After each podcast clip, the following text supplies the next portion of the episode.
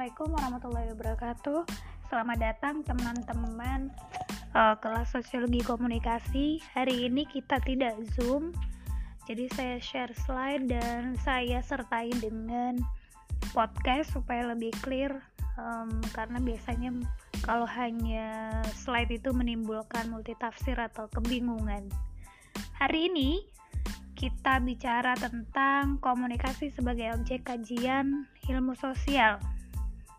Komunikasi sebagai objek kajian ilmu sosial. Jadi kita bicara awal-awalnya dulu ya. Komunikasi sebagai ilmu sosial.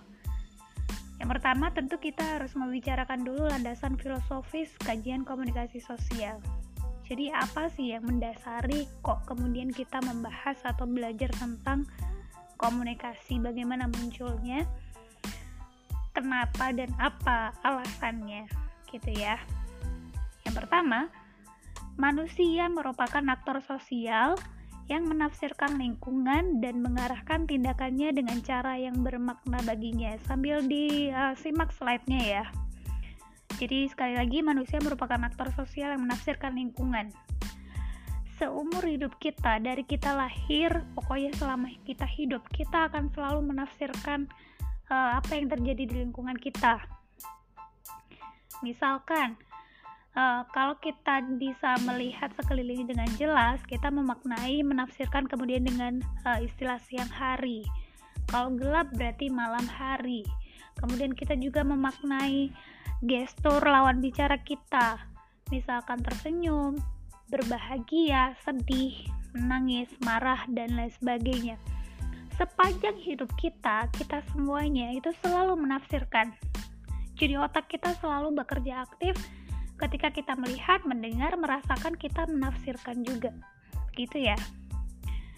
Kemudian manusia juga merekonstruksi realitas sosial. Nah, tadi kita menafsirkan, um, misalkan um, kalau terang itu siang, kalau gelap itu malam. Kemudian uh, kita merekonstruksi gitu ya realitasnya ada realitas pagi ada realitas malam dan seterusnya dan sebagainya ada marah, tersenyum dan lain sebagainya itu semua adalah konstruksi atau bentukan ya konstruksi itu bentukan um, ciptaan kita manusia jadi um, kalau dalam pembicaraan ya kalau kita bisa mendengar hewan dan lain sebagainya itu tidak akan bicara soal marah, tersenyum, sedih, dan lain sebagainya.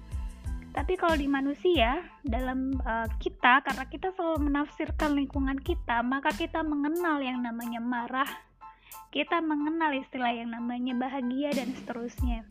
Karena kita selalu menafsirkan tadi, sehingga kita merekonstruksi realitas sosial sendiri. Weber meng mencetuskan juga teorinya namanya tindakan sosial. Tindakan sosial itu berarti tindakan yang berkaitan uh, antara satu individu dengan individu lainnya, makanya disebut uh, sosial. Dikatakan oleh Weber, tindakan sosial, teori tindakan sosial adalah semua perilaku manusia ketika dan sejauh ia memberikan satu makna subjektif terhadap perilaku tersebut. Jadi ketika uh, seorang manusia memberikan makna subjektif terhadap perilaku orang lain itu disebut tindakan. Jadi tindakan itu tidak hanya pergerakan secara fisik, tapi ketika um, manusia sudah memberikan makna subjektif, itu dianggap sebagai tindakan sosial.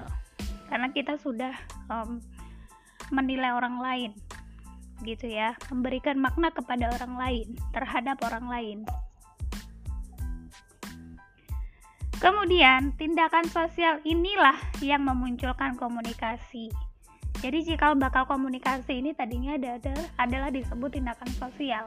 Tindakan sosial itu seperti yang saya katakan tadi, memberikan makna terhadap perilaku orang lain.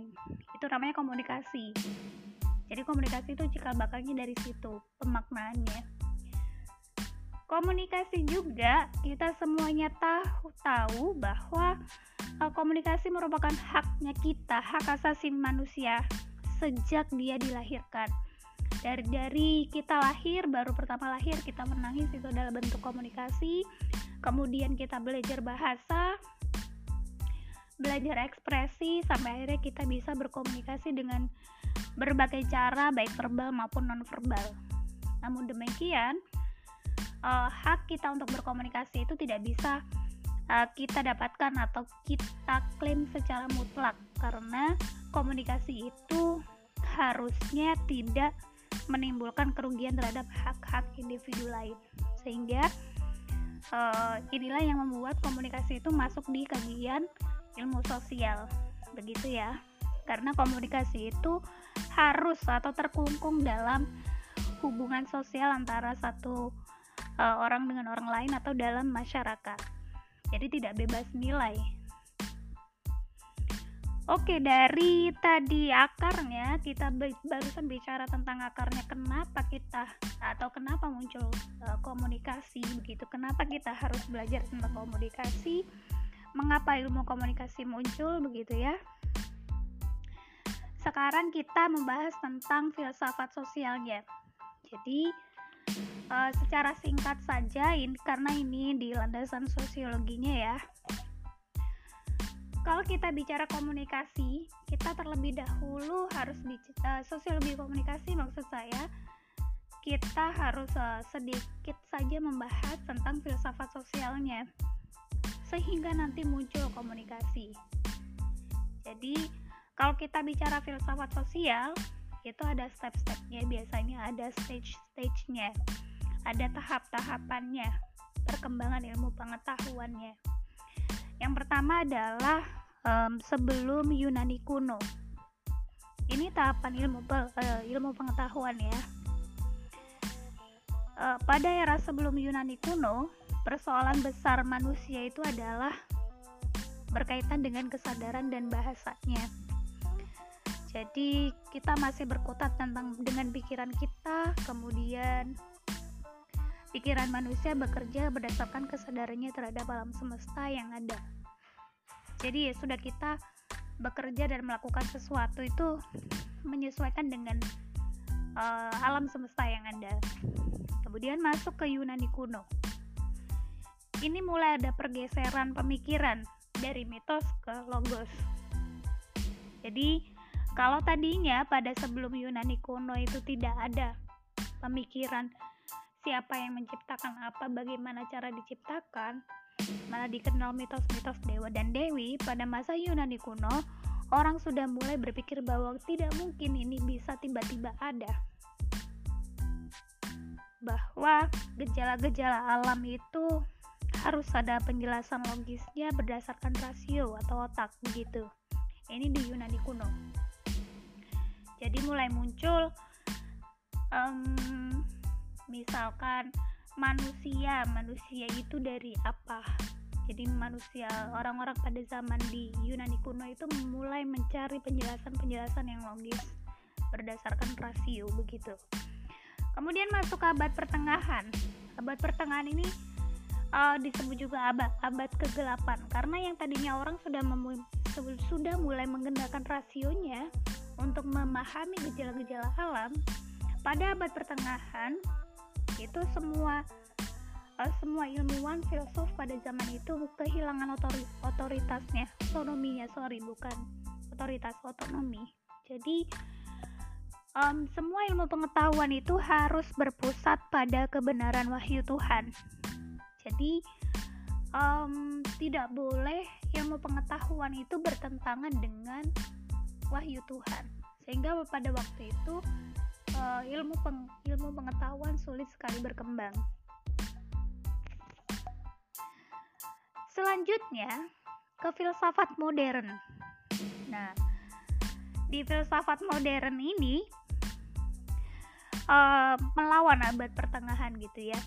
Jadi dan semakin berkembang. Kalau tadi pada Yunani kuno hanya penjelasan logis, kalau di filsafat modern itu ilmu pengetahuan hanya didapatkan dari pengalaman melalui pengamatan empiris. Jadi uh, kalau di filsafat modern ini harus empiris. Ini ada uh, ilmuwannya namanya Kant ya, Immanuel Kant. In, sorry, Immanuel Kant. jadi rasio dan empiris merupakan sumber pengetahuan jadi harus empiris gitu ya ini di era-era ini ditemukan metode pengetahuan metode ilmiah di sini.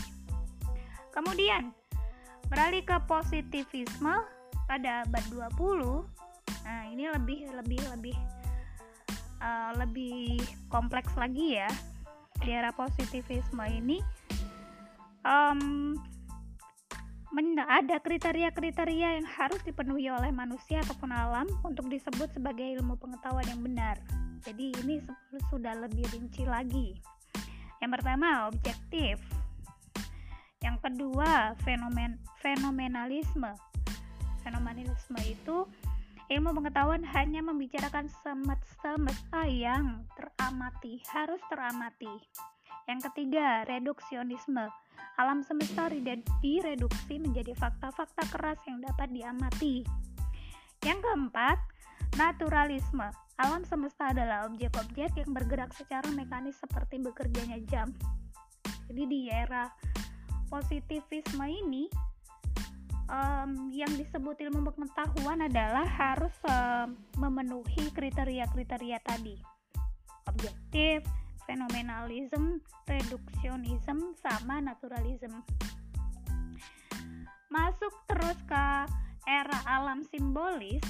Nah, di era simbolis ini mengatakan bahwa um, metode positivis ini uh, tidak bisa menjangkau ilmu atau kalau kita mau belajar tentang manusia. Begitu. Jadi di alam simbolis ini berusaha ingin me memperlihatkan bahwa ada juga uh, ilmu-ilmu uh, yang yang tidak teramati tapi itu layak disebut sebagai ilmu. Di sini uh, muncullah kemudian ilmu pengetahuan, seni, religi dan bahasa. Ini mulai berkembang lagi. Jadi ilmu pengetahuan itu tidak hanya yang teramati secara jelas begitu ya, tapi kehidupan-kehidupan sosial pun itu disebut bisa disebut sebagai ilmu.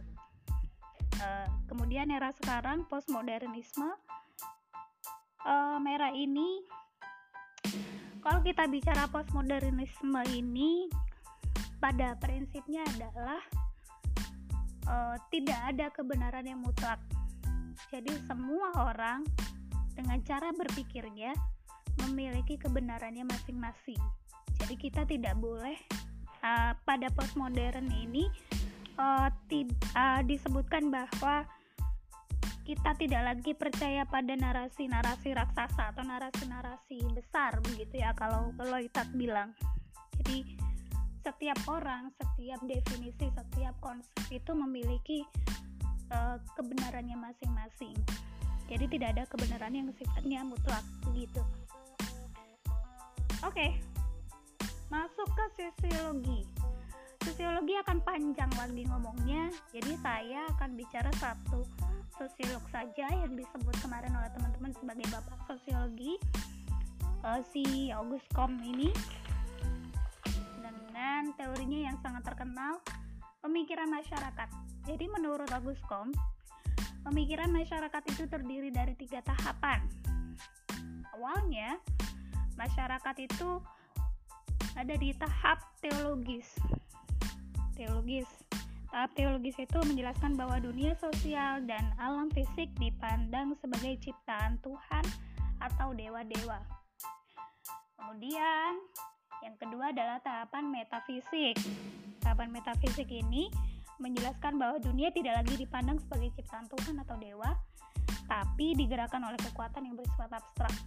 Jadi kita tidak lagi bicara Tuhan, secara mutlak begitu ya tapi kita meyakini bahwa misalkan bumi itu diciptakan oleh kekuatan-kekuatan abstrak yang kita belum tahu itu apa. Tapi yang jelas kayaknya bukan Tuhan deh. Bukan Tuhan kemudian terus menciptakan tidak. Kayaknya nggak gitu deh. Begitu. Kemudian tahapan ketiga positivistik. Ditandai keyakinan terhadap sains. Jadi yang tadinya kita sudah uh, simpel sekali pembicaranya bahwa sudah ini cipta Tuhan dan dewa-dewa kemudian di tahap metafisik. Kayaknya bukan Tuhan deh. Kayaknya ini ada sesuatu abstrak yang menciptakan tapi kita belum tahu ini apa. Kemudian di positivistik kita sudah meyakini bahwa uh, yang menciptakan bumi misalkan itu kita bisa menjelaskannya secara ilmiah. Begitu. Sampai akhirnya lahir sosiologi komunikasi dari kalau tadi di awal kita bicara teori tindakan sosialnya Weber yang itu merupakan cikal bakal komunikasi. Jadi sosiologi dan komunikasi itu memang dua ilmu yang uh, selalu atau saling berkelindan atau berkaitan. Karena komunikasi juga berasal dari sosiologi begitu ya.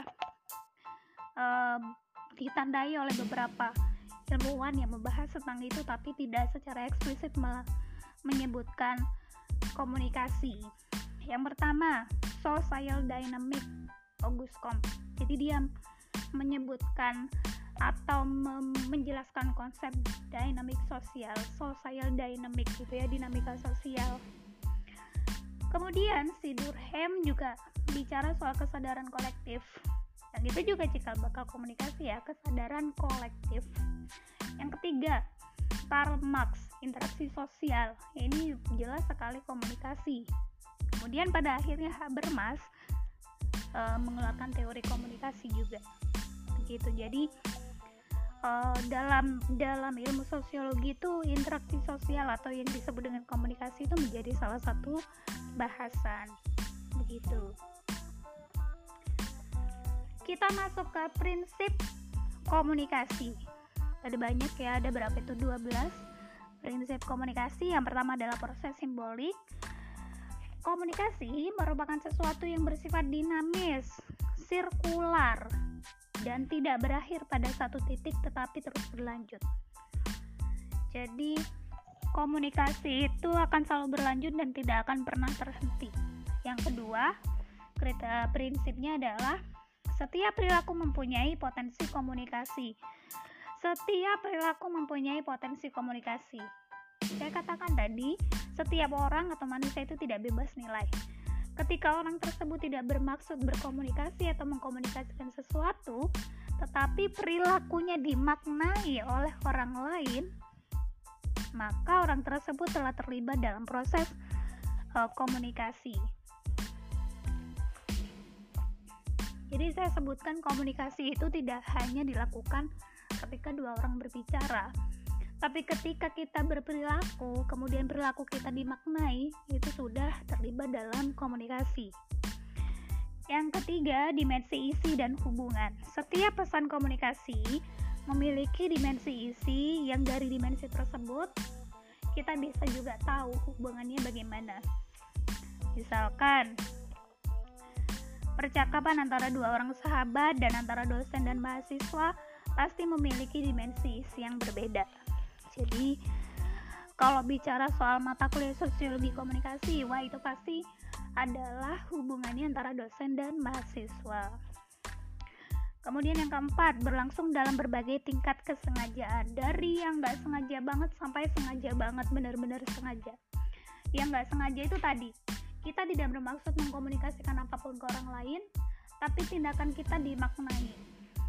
Misalkan, kita lagi jalan kemudian um, kita tidak sengaja berteriak karena kita kaget. Kemudian perilaku kita tadi itu dimaknai oleh orang sekeliling kita sehingga orang-orang melihat ke kita itu juga sudah kita terlibat dalam komunikasi. Yang kelima terjadi dalam konteks ruang dan waktu. Ini udah jelas banget ya. Yang keenam melibatkan prediksi peserta komunikasi. Jadi, misalkan gini, jika kita mengkomunikasikan gestur kita, misalkan kita tersenyum kepada orang, maka kita memprediksikan orang tersebut akan tersenyum kepada kita. Jadi, um, kita dalam berkomunikasi kita akan selalu um, punya prediksi tersendiri. Selanjutnya, bersifat sistemik jadi komunikasi itu dipengaruhi banyak hal, latar belakang budaya, nilai, adat, pengalaman, pendidikan, dan lain sebagainya. Selanjutnya, kemiripan latar belakang sosial budaya. Jadi orang yang punya kemiripan latar belakang sosial budaya biasanya memiliki bahan komunikasi yang uh, cenderung sama begitu ya jadi komunikasinya uh, apa kemungkinan atau potensi komunikasinya lebih besar selanjutnya non sekuensial proses komunikasi bersifat sekular sirkular sorry dalam arti tidak berlangsung satu arah melibatkan respon dan tanggapan sebagai bukti bahwa pesan yang dikirimkan itu diterima dan dimengerti. Jadi uh, tidak satu arah tapi du, uh, dua arah begitu ya, bolak-balik begitu dan terus menerus. Kemudian yang ke-10, prosesual, dinamis dan transaksional. Transaksional itu saling memberi dan menerima informasi begitu ya. Irreversible. Irreversible itu tidak dapat ditarik kembali. Ketika kita sudah mengatakan sesuatu atau mengkomunikasikan sesuatu, maka uh, komunikasi itu tidak dapat ditarik. Orang sudah terlanjur memaknai komunikasi Anda. Begitu. Jadi um, kita nggak bisa mengontrol efek dari yang kita komunikasikan kepada orang lain. Sehingga uh, ketika kita sudah mengkomunikasikan satu hal, maka uh, kita sudah tidak bisa menentukan lagi kon, uh, mengontrol lagi efeknya bagaimana karena sudah terlanjur begitu ya. Kemudian yang terakhir bukan penasehat untuk menyelesaikan berbagai masalah. Jadi komunikasi itu tidak selalu ya bukan satu-satunya obat mujarab yang dapat digunakan untuk menyelesaikan masalah karena uh, kita juga mengenali namanya miskomunikasi dan lain sebagainya jadi komunikasi itu tidak selalu tidak selalu dapat menyelesaikan masalah.